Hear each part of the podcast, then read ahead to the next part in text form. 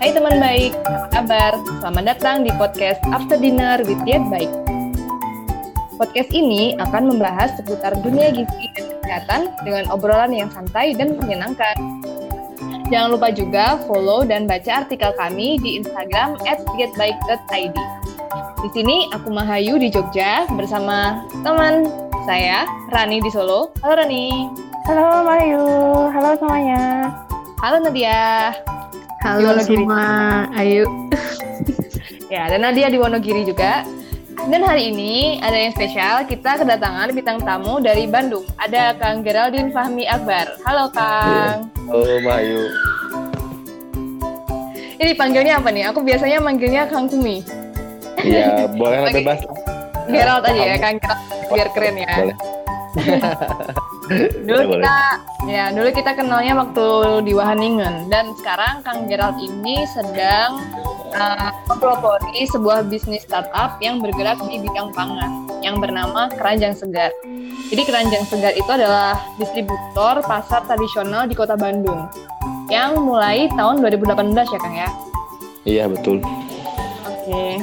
Oke, kalau gitu kita langsung aja tanya-tanya sama Kang Kumi, gimana sih cerita awal mula keranjang segar itu sejak kapan dibentuknya dan dari mana dapat ide untuk uh, mendirikan keranjang segar gitu?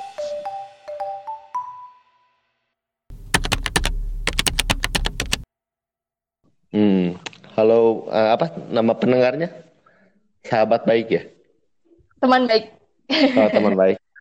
Halo buat pendengar eh, teman baik, perkenalkan nama saya Geral. Saya dari Bandung. Eh, sejak 2018 saya mencoba eh, berdagang. Eh, susah, kayaknya terlalu berat sih dibilang startup kayak.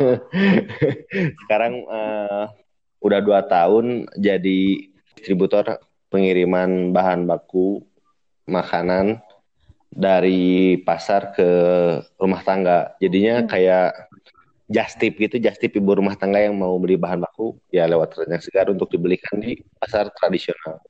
Mhm. Gitu sih simpelnya. Mm-mm. Mhm. Terus idenya tuh muncul dari mana?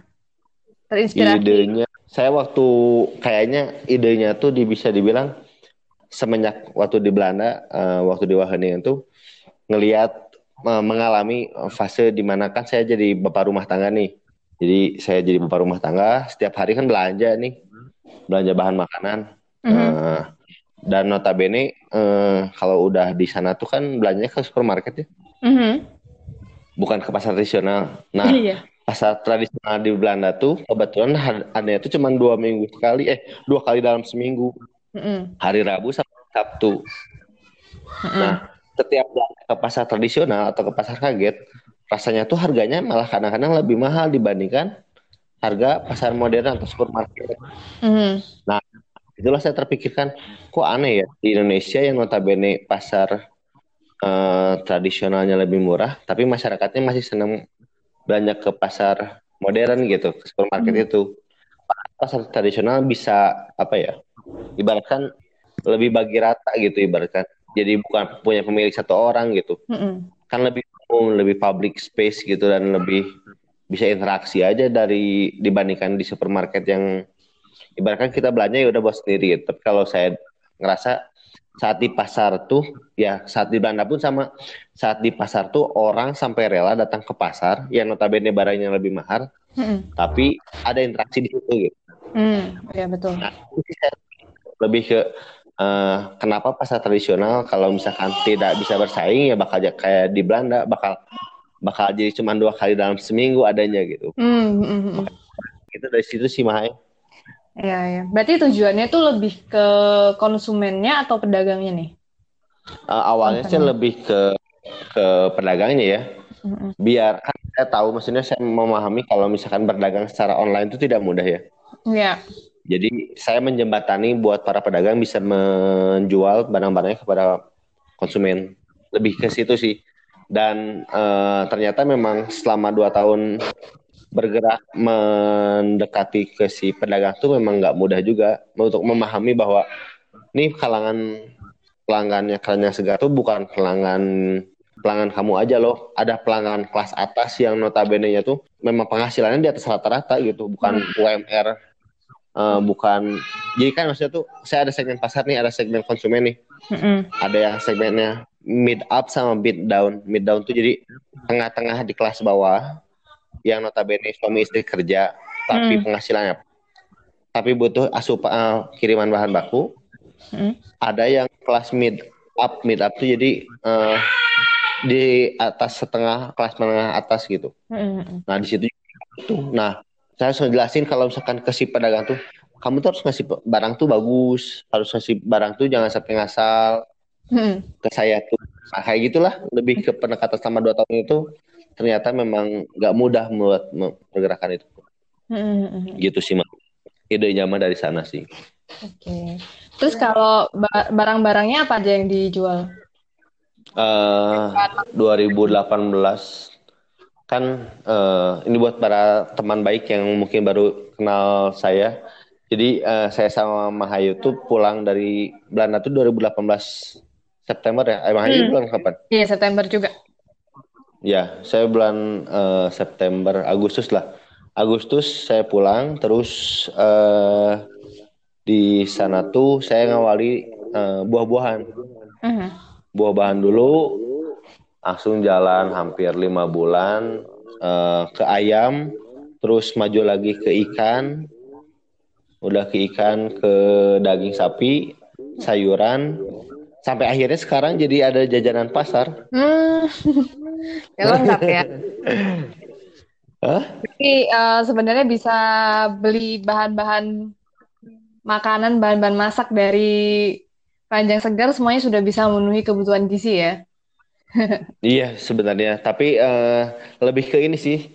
Kemarin tuh ngelihat fenomena ya si pandemi ini ternyata dampaknya banyak banget buat kondisi kelas menengah bawah sih. Mm-mm. Terpukul banget lah mereka tuh. Jadi asalnya kan saya nggak fokus ke makanan jadi kan. Mm-mm. Jajanan pasar tuh nggak nggak jadi fokus saya lah karena beresiko mudah rusak. Iya. Kan takut juga kan pada saat dikirim, pada saat diterima rusak gitu kan. Hmm. Tapi ternyata antusiasme masyarakat bagus juga buat Oh, jajanan pasar. Eh, makanya itu. Oh ya benar, malah benar ya, benar. Hmm, hmm, hmm. Ah. Nah, oke. Jadi nyambung ke buah-buahan ya. Jauh banget nyambungnya. Ya. Tadi kan Kang Kumi kan katanya awal-awal tuh mulai dari buah kan. Nah, kita juga Iya. ada pembahasan sedikit juga tentang buah. Kapan sih sebenarnya makan buah yang baik? Waktu makan buah tuh setelah makan atau sesudah makan? Itu kan kita nggak tahu ya. Kadang ada yang pernah tuh ada yang bilang kalau uh, habis makan tuh makan buah nggak baik gitu. Sebenarnya kayak gimana sih yang benar? Jadi kalau waktu yang tepat untuk makan buah, sebenarnya nggak ada waktu yang tepat atau enggak ya. Jadi mau sebelum makan atau sudah makan itu boleh-boleh aja. Hmm. Gantung juga sama orangnya, seperti itu. Biasanya gini, kalau misalnya orang yang mau menurunkan berat badan, itu memang dianjurkan untuk makan buah itu sebelum makan besar kayak gitu. Jadi supaya dia udah kenyang buah duluan gitu loh. Hmm. Terus kalau misalnya kalau ada orang yang punya sakit tertentu misalnya mah atau apa yang dia nggak boleh makan makanan yang terlalu asam atau gimana kan kadang buah ada yang asam ya. Mm-mm. Kayak Hmm. gitu dia memang lebih baik makan buahnya itu setelah makan seperti itu. Jadi nggak ada patokan tertentu orang itu makan buah setelah atau sebelum makan. Jadi kayak tergantung orangnya juga gitu loh. Dan Ya. eh, apa zat gizi buah itu dia akan tetap terserap dengan baik meskipun dia dimakan sebelum makan besar maupun berbarengan sama makan besar. Maksudnya setelah makan besar seperti itu akan tetap sama-sama akan terserap baik gitu loh. Jadi tidak ada yang tidak ada istilah kalau misalnya berbarengan sama makan besar atau setelah makan besar nanti nutrisinya akan sulit terserap atau mungkin nanti eh, membuat transit makanan di lambung itu terlalu lama jadi zat gizi buahnya sendiri malah kurang terserap. Itu tidak ada ilmiahnya seperti itu kan soalnya lambung juga sudah didesain sedemikian rupa untuk mencerna semua makanan itu sesuai sama apa ya enzim-enzim di dalamnya gitu loh. Jadi nggak ada istilah yang ini menghambat ini hanya karena makan berbarengan. Hmm. Cuma kalau memang ada zat anti gizi itu beda lagi seperti itu. Tapi kalau untuk nutrisi atau zat gizi itu tidak akan terpengaruh lah. Itu kalau misalnya makan berbarengan dengan makan besar seperti itu. Hmm. Intinya tidak ada waktu yang tepat itu kapan. Karena semua waktu itu tepat-tepat aja. Cuma ini sih lebih ke kalau misalnya buah itu udah dipotong-potong atau dikupas atau pokoknya sudah di sudah diproses itu lebih baik segera untuk dikonsumsi seperti itu. Jadi lebih ke itulah daripada nggak usah mikirkan kapan aku makan buah yang tepat. Oke, berarti kan uh, ini ya makan buah tuh sebenarnya bisa kapan pun ya. Uh, kalau misalkan kita makan buah itu kadang yang menjadi pertanyaan banyak teman-teman itu adalah uh, mitos-mitos yang berkembang kayak gitu. Misalkan makan buah nih nggak boleh sesudah makan karena nanti nggak tercerna atau kayak nutrisi-nutrisinya itu terganggu kayak gitu. Ada yang ada yang berpendapat kayak gitu. Jadi kan sebelum atau setelah makan besarnya itu mereka lebih ke banyak mitos-mitos yang ada di masyarakat. Dan itu emang nggak sesuai dengan seperti yang tadi Nadia bilang. Memang metabolisme tubuh kita yang udah didesain gitu loh buat mencerna itu semua. Kalau misalkan teman-teman ada yang masih ragu atau misalkan meyakini salah satu mitos lebih baik ditanyain dulu ya, sih di bagus sekali. Nah kita juga Ayo, pernah ya kan apa namanya kolaborasi ya dulu uh, bikin konten tentang iya. Instagram yeah. gitu ya tentang apa hmm, mitos-mitos kayak gitu. Nah terus uh, eh, yeah. kalau secara umum gitu ide-ide di konten Instagram keranjang segar tuh dari mana sih? Soalnya aku lihat juga isinya tuh menarik gitu loh. Ada cerita-cerita dari pedagangnya, dari ya distributor, dari apa namanya yeah. Iya. uh, kurirnya itu menarik banget. Dapat yeah. idenya dari mana sih? Jadi uh, saya tuh sebenarnya lebih ke apa ya pakai akun kerennya segar tuh kayak lebih akun pribadi yang memang berfungsi untuk me, apa ya menyalurkan apa yang ada di otak hmm. saya sih tentang kegiatan saya ke pasar setiap hari. Makanya setelah hampir jalan dua tahun tuh ternyata sebuah akun jualan sebuah akun jualan itu tidak hanya harus menjual produknya aja. Hmm ada banyak sisi lain yang bisa diangkat dari sebuah brand. Brand itu merek si dagangnya. Contoh keranjang segar, di dalam itu ada unsurnya banyak sekali. Tidak hanya produknya aja, malah sebuah engagement, sebuah apa ya ketertarikan orang untuk memfollow atau mengikuti atau apa ya uh, senang dengan akun kita itu belum tentu hanya dari produknya aja. Hmm. Karena produk hanya segar kan ya udah produk setiap hari semua orang bisa dapat ini bawang daun semua orang bisa dapat bawang naga semua orang bisa dapat daging ayam semua bisa dapat. Tapi ya saya angkat ya dari sisi lain ya gitu sisi yang orang nggak tahu. Di pasar tuh ada siapa aja di pasar tuh ada pedagang apa aja. Yang mungkin orang-orang zaman sekarang tuh udah mulai yang nggak tahu sih kalau saya di lihat di Wonogiri uh, saya belum pernah ke Wonogiri atau enggak uh, di Solo seperti apa di pasarnya. Hmm. uh, di atau di Jogja pun saya nggak tahu. Maksudnya kalau di Bandung uh, seakan ada gap antar generasi gitu. Hmm. jadi ada gap yang mungkin karena ya memang saya udah nggak sempat nih buat belanja ke pasar jadinya. Uh, saya mau nitip ke Kanya Segar tapi di Kerajaan Segar saya bisa dapat informasi-informasi yang ada di pasar itu seperti apa sih. Hmm. Nah, di situ saya ngelihat bahwa oh orang-orang tuh banyak yang senang. Jadi sampai ada banyak yang nge-DM kalau misalkan apa ya, saya belum pernah belanja di Kerajaan Segar, tapi saya senang banget mengikuti konten Kerajaan Segar. Hmm. Di situlah makanya waktu konten diet baik yang mitos atau fakta ya cukup viral juga Wah. gitu. Jadi makanya eh, hmm. konten-konten Kerajaan Segar tuh kalau bisa dibilang yang viral tuh malah bukan penjualannya gitu, malah konten-konten rumah tangga. Mm. Mm. Kayak resep, kayak resep. Resepnya pun bukan resep yang susah mm. gitu. Resep rendang opor mm.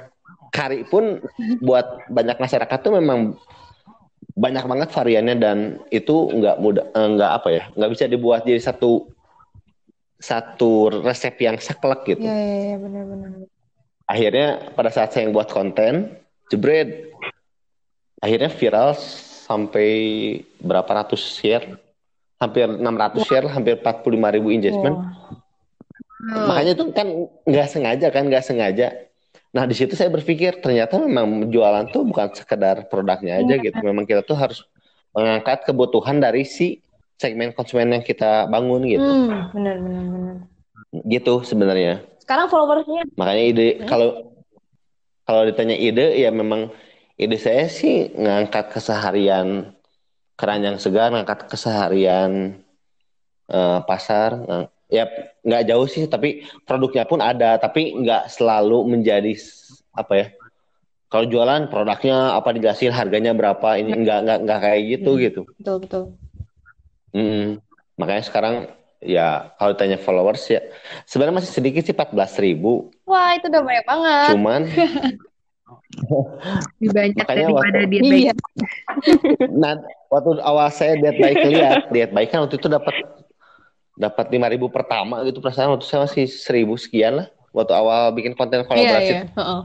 Saya tuh eh anjir, udah lima ribu lah, Mayu banyak banget punya punya punya Iya, selebgram. soalnya kita pansos. Saya eh,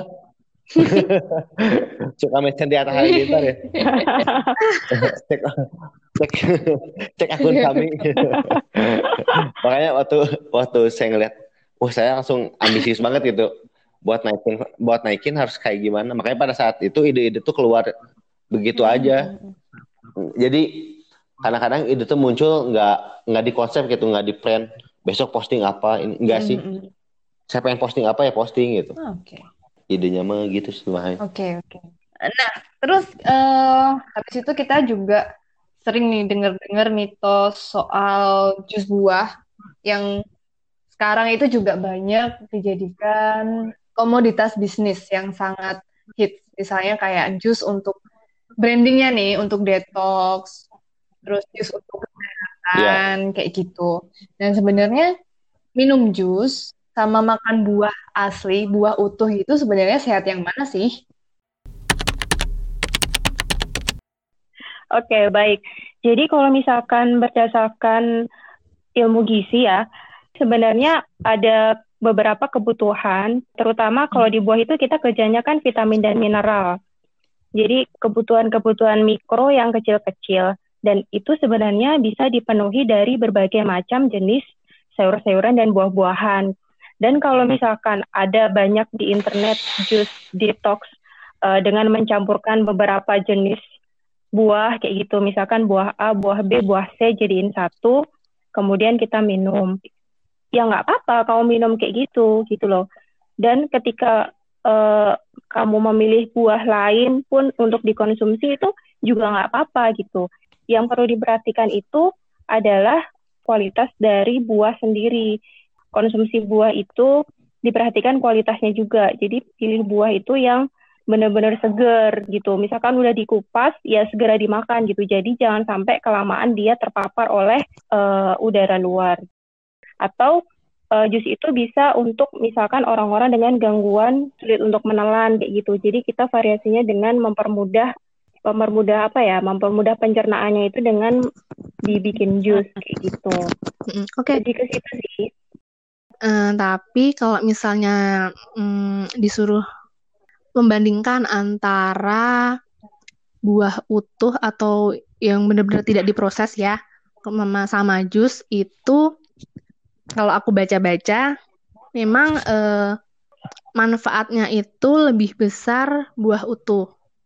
Karena kalau jus itu kan eh, definisinya ya buah dicampur air kan terus kadang juga ada campur gula campur susu dan sebagainya kalau untuk kebermanfaatan kalau dua-duanya dibandingkan itu malah manfaatnya lebih banyak buah utuh.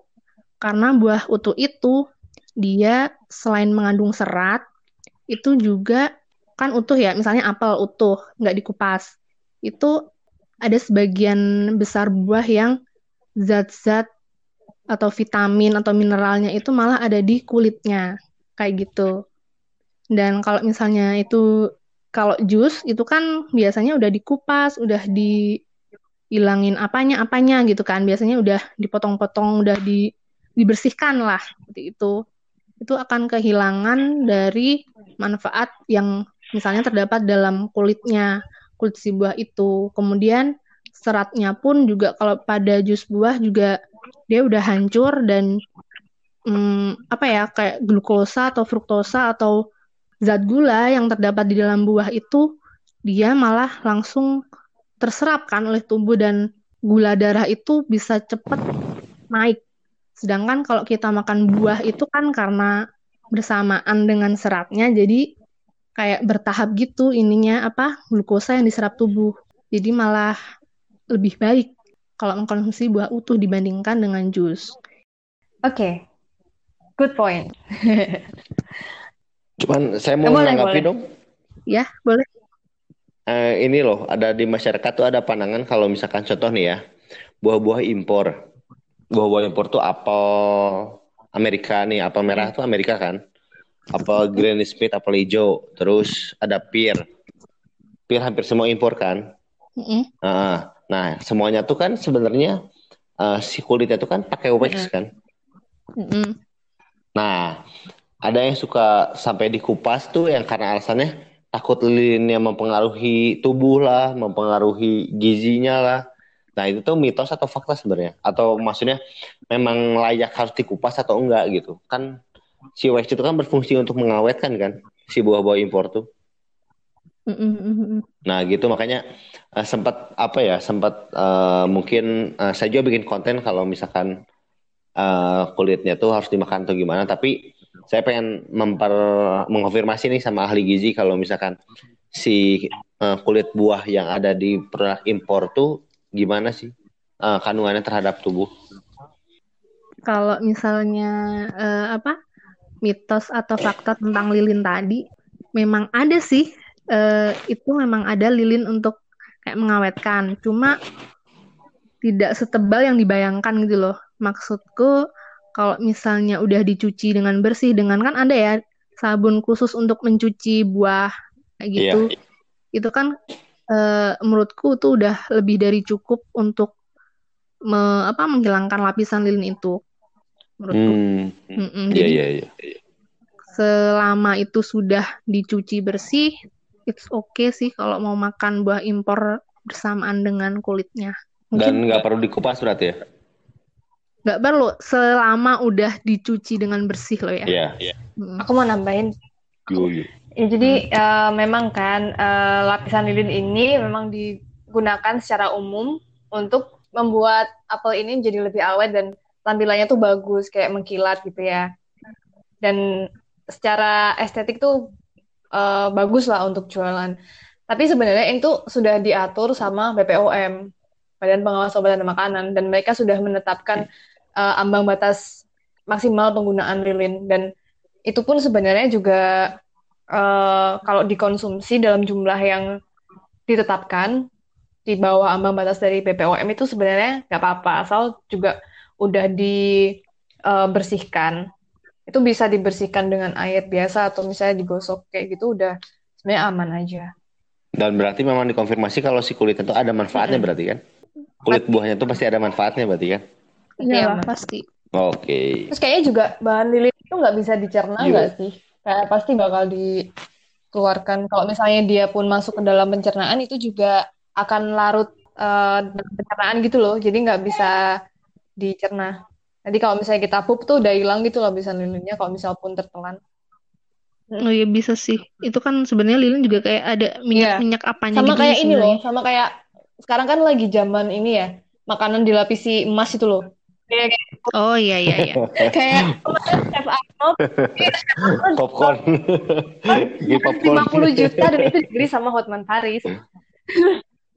ya itu kan dilapisin emas dan emas yang dibuat untuk makanan itu kan emas 24 karat itu kan. Dan harus harus murni 24 karat gitu. Dan dia juga sebenarnya oleh tubuh tuh nggak bisa dicerna. Iya, jadi kayak iya makanya nanti kalau kamu ya? beli makanan mahal berlapis emas itu bakal keluar bersama pup kalian. Mubazir juga. Mubazir juga ya. Nah, oke, kita kembali lagi ke keranjang segar nih ya. Jadi kan kita udah ngomongin soal makanan-makanan berkualitas, soal pemilihan kue yang berkualitas yang bisa didapatkan dari keranjang segar gitu ya. Terus ini apa eh, selama menjalankan keranjang segar itu ada nggak sih cerita yang paling berkesan selama ini? Yang membuat apa ya? Yang membuat semangat untuk terus Hmm. melanjutkan keranjang segar gitu.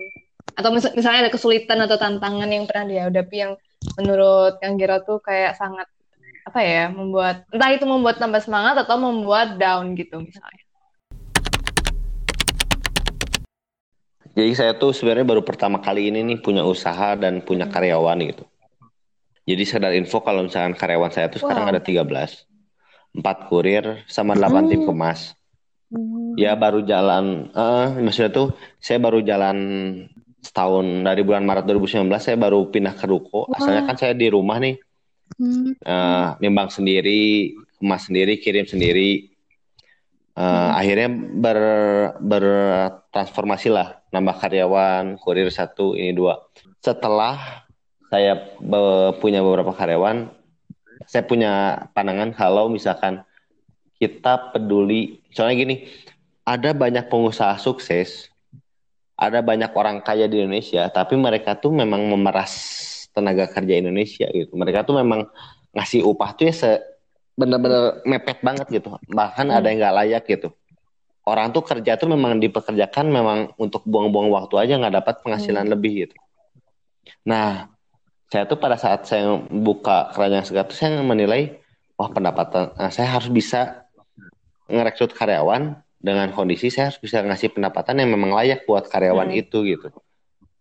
Makanya saya waktu awal mau ngerekrut karyawan tuh bingung juga ini berapa pendapatan yang layak atau enggak eh, gimana cara gaji atau gimana muterin uangnya. Ternyata dengan niat seperti itu dan dengan niat, dengan apa? Dengan ikhtiar jalan seperti itu ternyata memang rezeki ngikutin juga sih. Saya walau alam ya. Saya nggak bilang ini sebagai sebuah teori, eh, tapi ini kayak perjalanan spiritual aja sih saya menjelaskan kalau misalkan kita memberikan rezeki lebih kepada orang lain, ternyata rezeki yang di luar pun akan datang kepada kita gitu. Buat saya seperti itu sih.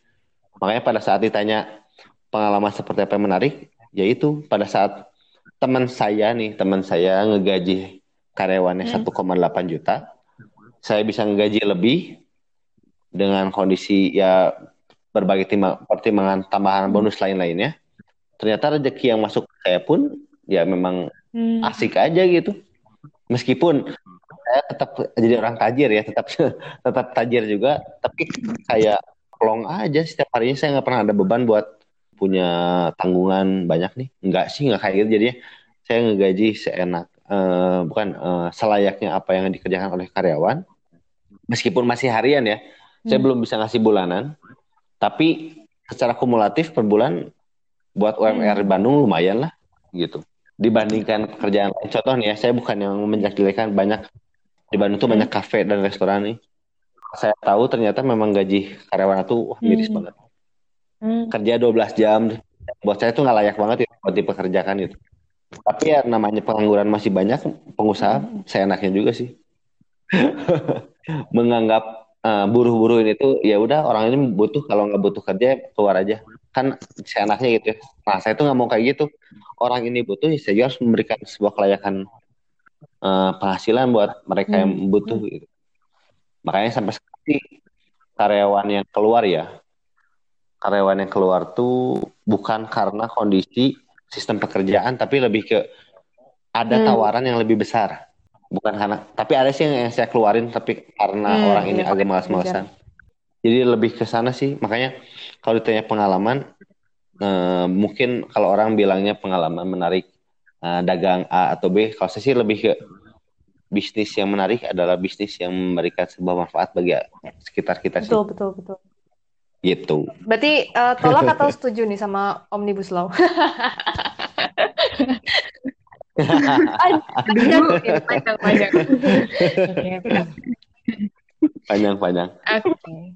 Ini banget ya, bisa jadi pelajaran juga ya buat teman-teman mungkin kalau saya mau bikin bisnis juga tetap harus memperhatikan kebermanfaatan ya, yang lebih banyak daripada sekedar untuk mencari keuntungan aja gitu. Ya syukur-syukur kalau untung sih ya itu pasti ya. Hmm, Tapi kan ada ada Iya.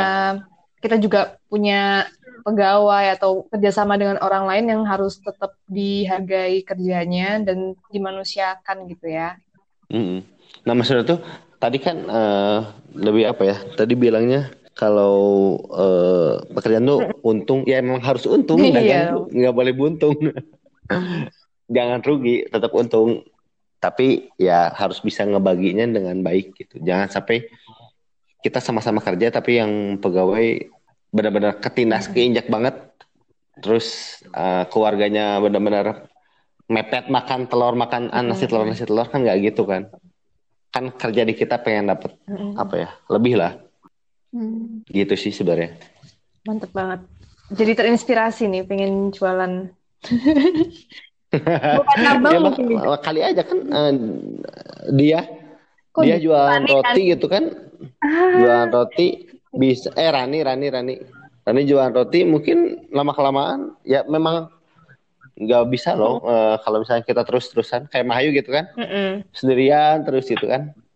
Meskipun bi- bisa dibilang ya passion saya di roti atau passion saya di dessert kalau misalkan dari sebuah produk ide ide ya ide yang kita punya memiliki sebuah kebermanfaatan kenapa kita nggak ngerekrut gitu?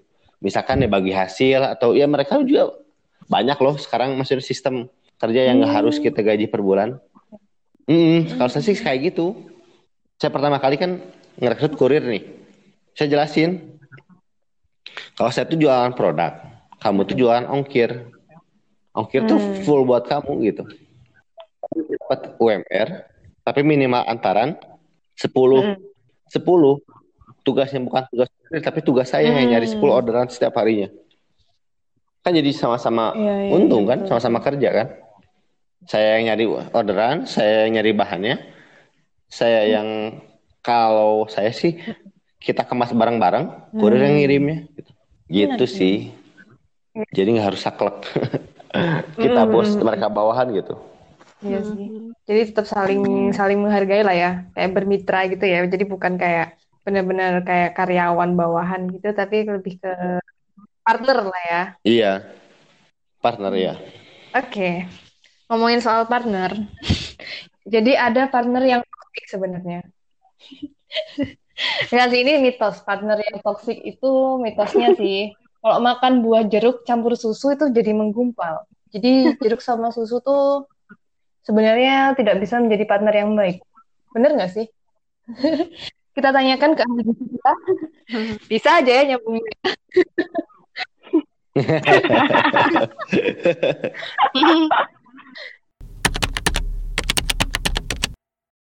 Oke.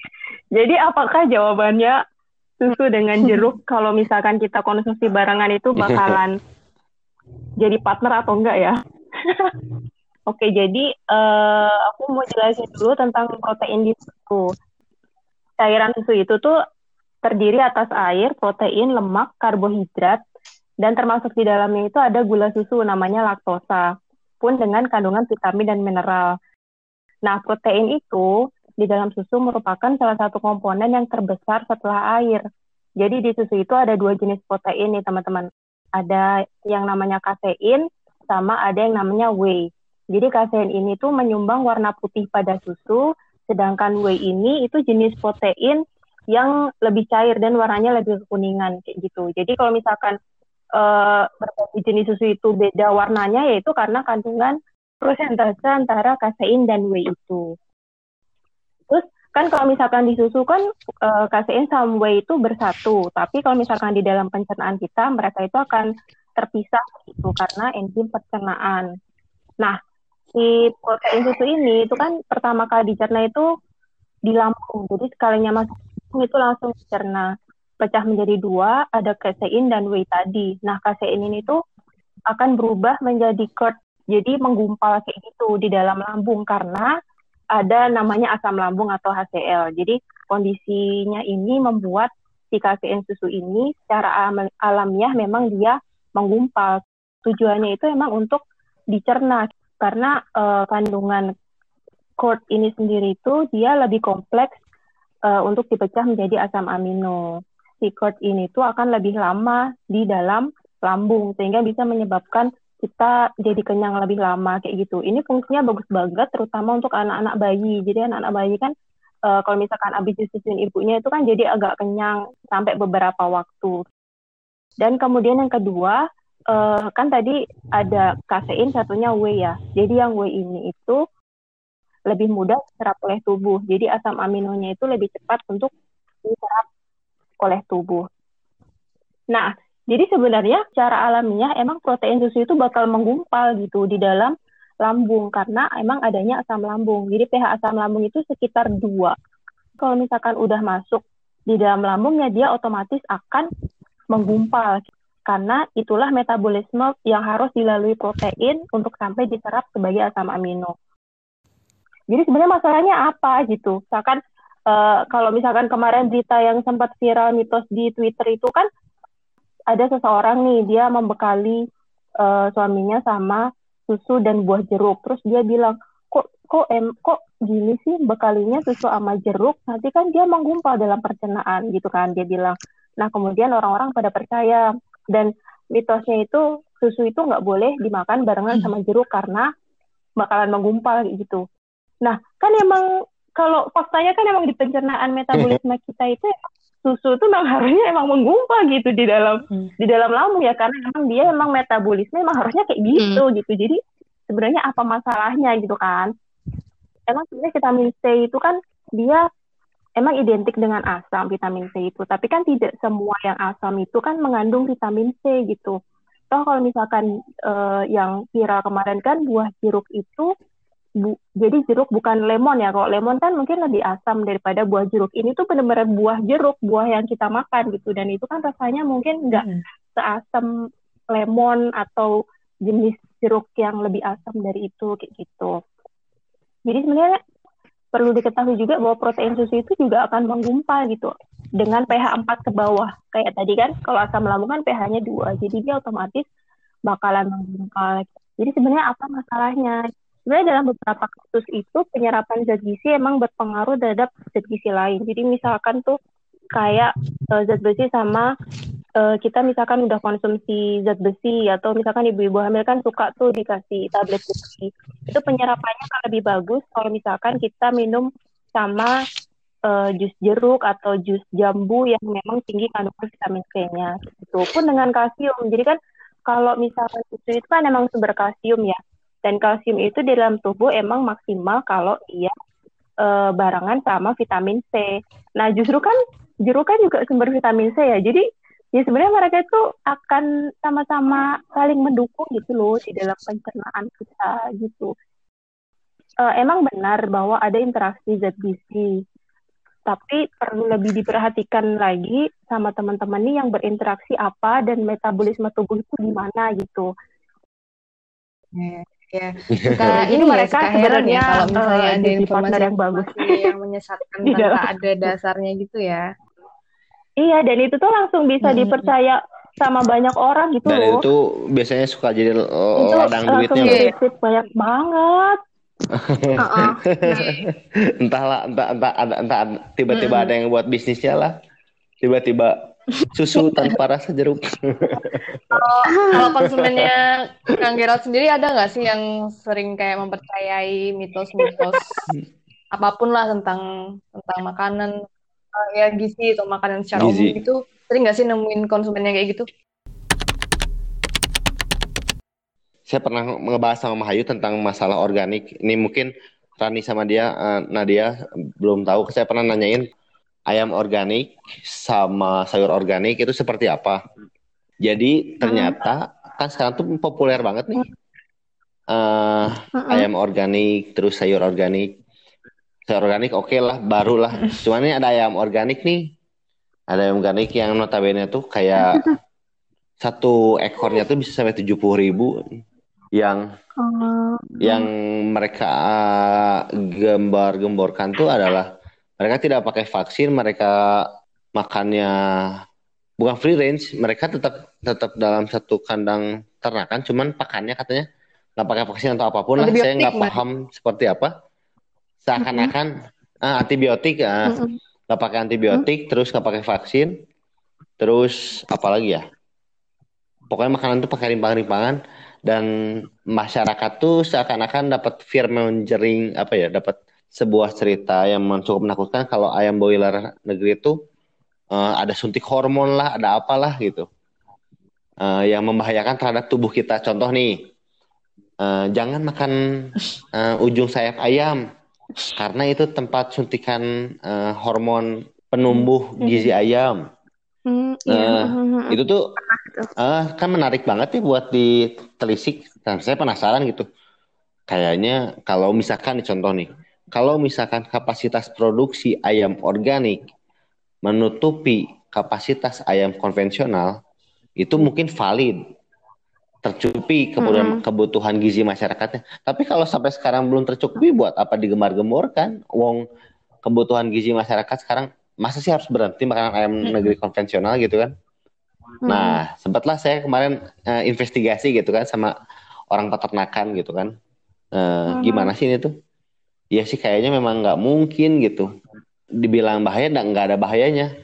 Nah, contoh nih, ayam itu nggak divaksin nggak mungkin kayaknya ayam tuh nggak divaksin karena ayam ayam negeri itu rentan dan memang ditumbuhkan memang untuk ayam pedaging.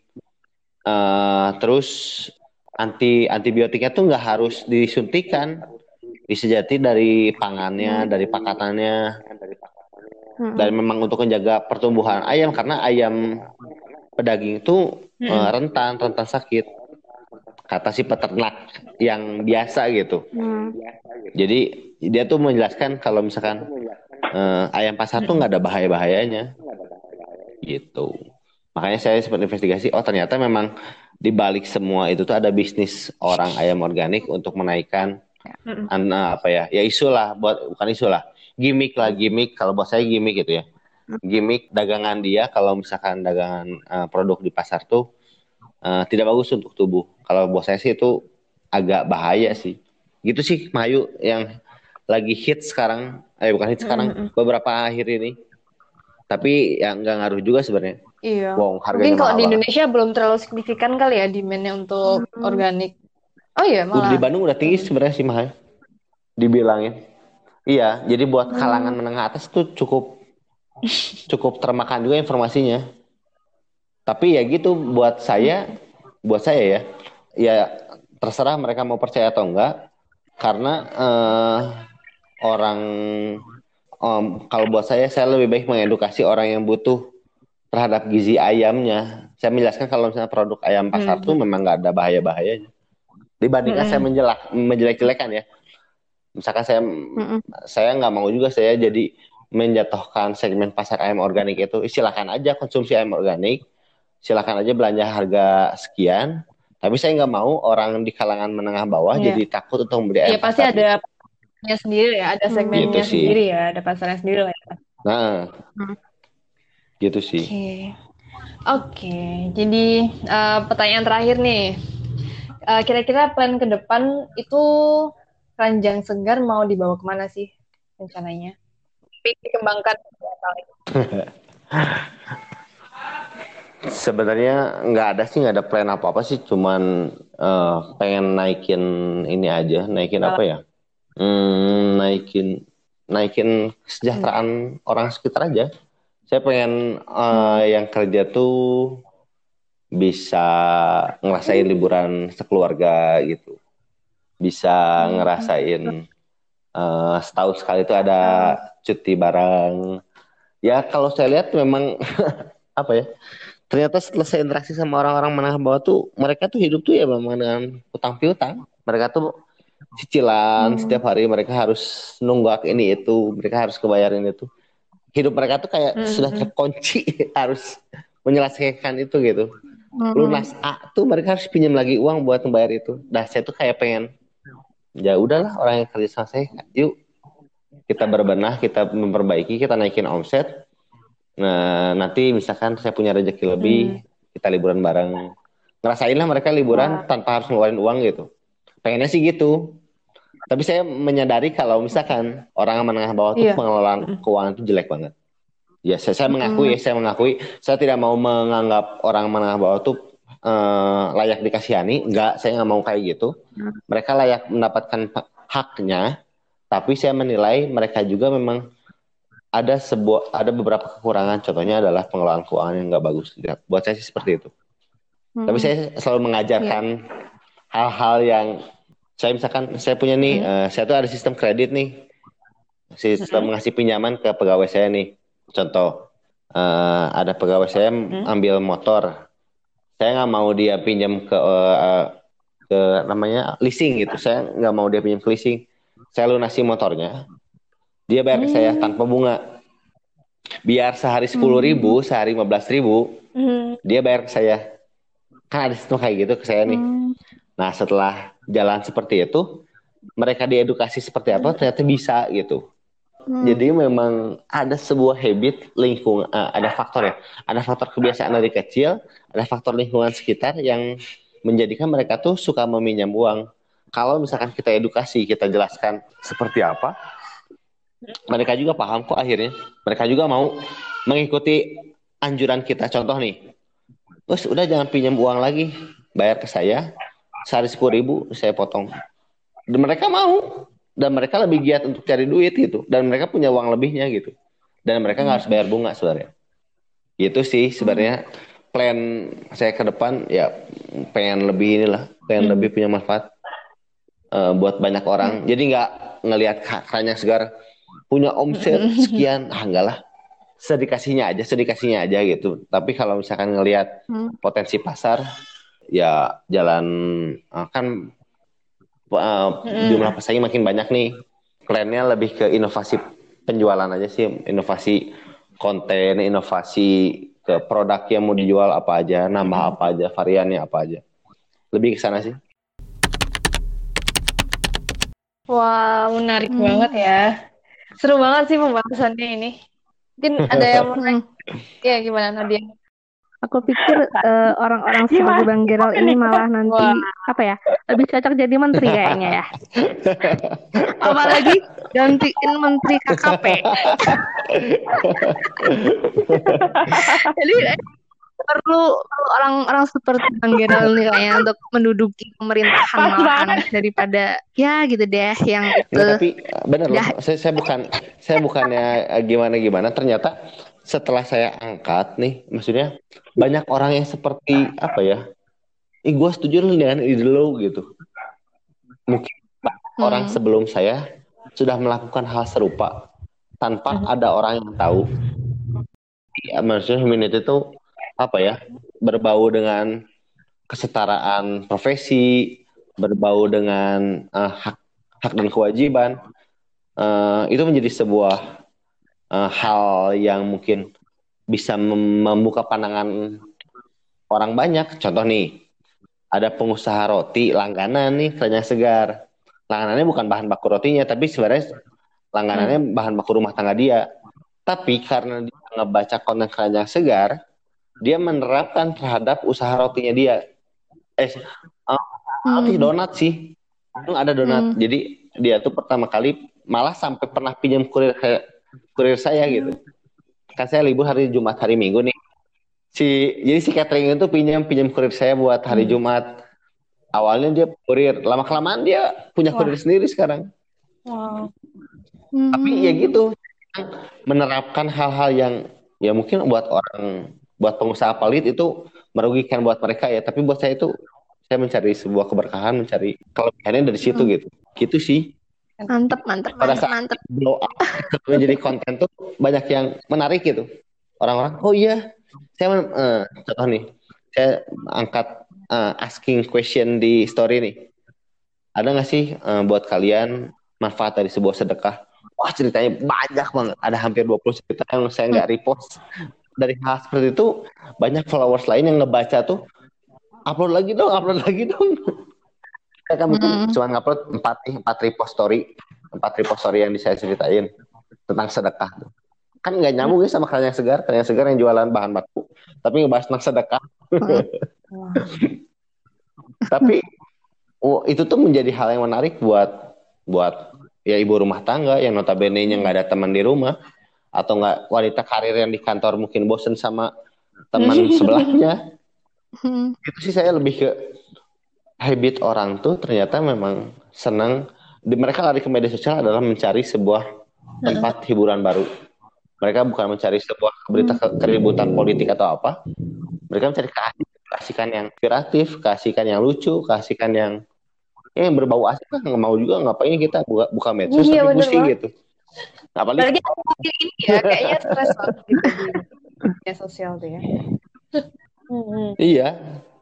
Ya kan kalau ka- Mm-mm. kalau bahaya- bahasa tadi kan Iya. toksik gitu kan. Hmm. Dan mungkin bisa Jadi saya lebih lebih mengangkat hal seperti itu sih di di Kranya Segar tuh. Jadi enggak makanya saya bilang dari awal saya Kranya Segar tuh enggak bilang ini jualan tok gitu. Ya kontennya memang bisa apa aja, apa yang menurut saya menarik, apa yang menurut saya menghibur masyarakat, apa yang saya anggap itu bermanfaat buat masyarakat, Mm-mm. saya angkat. Tapi dari semua topik yang yang menarik ada eh, cuman ada makanan yang nggak mungkin apa ya nggak mungkin minim minim mi- bukan minim konflik lah. Paling kan bubur diaduk sama enggak gitu kan. Nggak ribut signifikan hasilnya nggak ada yang uh, oposisi dengan pemerintah kan nggak ada kan. Jadi itu ibarat, Oh, yang ibaratkan paling gitu netral ya. lah Oh, Mm-mm. Makanya menarik nih buat ngebahas makanya diet baik ngebahas tentang sebuah eh, informasi mitos dan fakta itu menarik juga, penting juga sih buat masyarakat karena masyarakat butuh hal-hal seperti itu yang notabene nggak Ya, dapat berita betul. hoax lah. Kecuali kalau kalian ada bisnis sebelah kan ada Ah, bisnis kita berencana sih, berencana. bikin obat diet. Kita lebih rencananya mau bikin kayak konsultasi diet gitu, edukasi diet gitu. Cuman yang lebih profesional gitu, lebih Mm-mm. terkonsep. Kayak pendampingan diet kan selama ini eh, orang kan ikut ikutan diet kan tanpa ada ada pendampingnya. Mm-mm.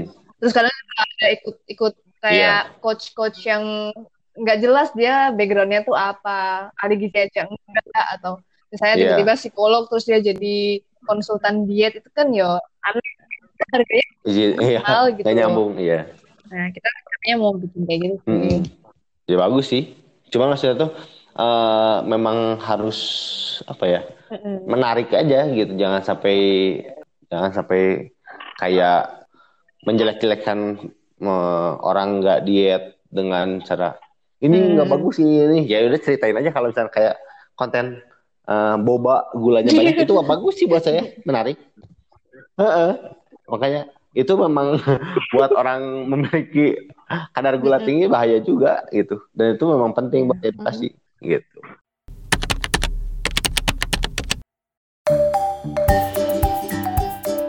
Oke. Hmm. Ada yang mau komen lagi? Ada yang mau tanya? Lagi? Dia? Hmm, udah sih cukup. Pokoknya ins- Iya. menginspirasi. Juga. Aku banyak terinspirasi. banyak terinspirasi loh. Banyak food-food menarik. Jadi lebih bersemangat banget bikin untuk belajar dan jualan. pokoknya nah itu bener di eh, saya senang sih maksudnya sama orang-orang yang masih punya fokus di hal-hal yang berbau positif dan ya me- cukup menghindari konflik saya malas saya banget mal- malas sih eh, orang-orang yang apa ya senang debat atau apa yang saya lebih lebih senang nyinyir nyinyirin mereka. Nyinyir orang nyinyir. Jadi ya udah beri eh, buat yang berdagang buat siapa namanya? Maharani, Rani. buat Rani yang bikin usaha roti semoga Amin. lancar. Potensi banget potensi potensinya gede banget. Dan nggak harus menjadi sebuah nggak harus nggak harus signifikan omset ratusan juta miliaran. Dikere kalau di bahasa Sundanya dikere ya itu di dijalani aja pelan pelan terus buat Mahayu juga sama nggak usah jadi aduh capek seharian nikmat Ah, nikmati aja mati aja menjadi sebuah hal yang menarik. Eh jualannya mungkin barangkali bisa bermitra dengan siapa dan ada menemukan jodoh eh, pegawai yang bisa jadi partner gitu dan gak harus orang sendiri gitu kalau indikatornya punya karyawan baru ya indikatornya adalah eh indikator memiliki karyawan adalah indikator kalau kita tuh udah kelelahan Hmm. dengan pekerjaan ini gitu itu jadi berhenti Iya. juga Hmm. Oke, Iya. oke. Wow. gitu sih insight-nya mah Menarik banget ya pembahasannya hari ini. Wah, oke. Tapi kayaknya kita uh, karena keterbatasan waktu, ya Iya. yang pengen Banyak diobrolin sebenarnya. Tapi karena kasihan yang edit, Iya. Iya kita betul. bisa part dua ya, nanti kalau ada waktu ya. Part 2, part 2 Oke, nanti. terima kasih banyak ya Kang Gerald buat waktunya. Sangat Iya, inspirasi sekali. Sama-sama. Eh, semoga Maaf kalau tidak sesuai Oh konten. enggak kok ini sangat menarik sekali. Em, ya jadi kayak kita berharap semoga juga kerajaan segar sukses, semakin sukses sesuai dengan Terima kasih, terima kasih. terus menginspirasi. Terus semoga tetap sehat juga. Salam buat Kang Wenti dan Iya, Tania. makasih. Oke. Iya, makasih. Terima kasih banyak. Bye bye. Terima kasih. Ya, dah. Terima kasih Bang Gerald. Dadah. Yuk. Terima kasih, Gerald. Ya udah. Udah Bagus.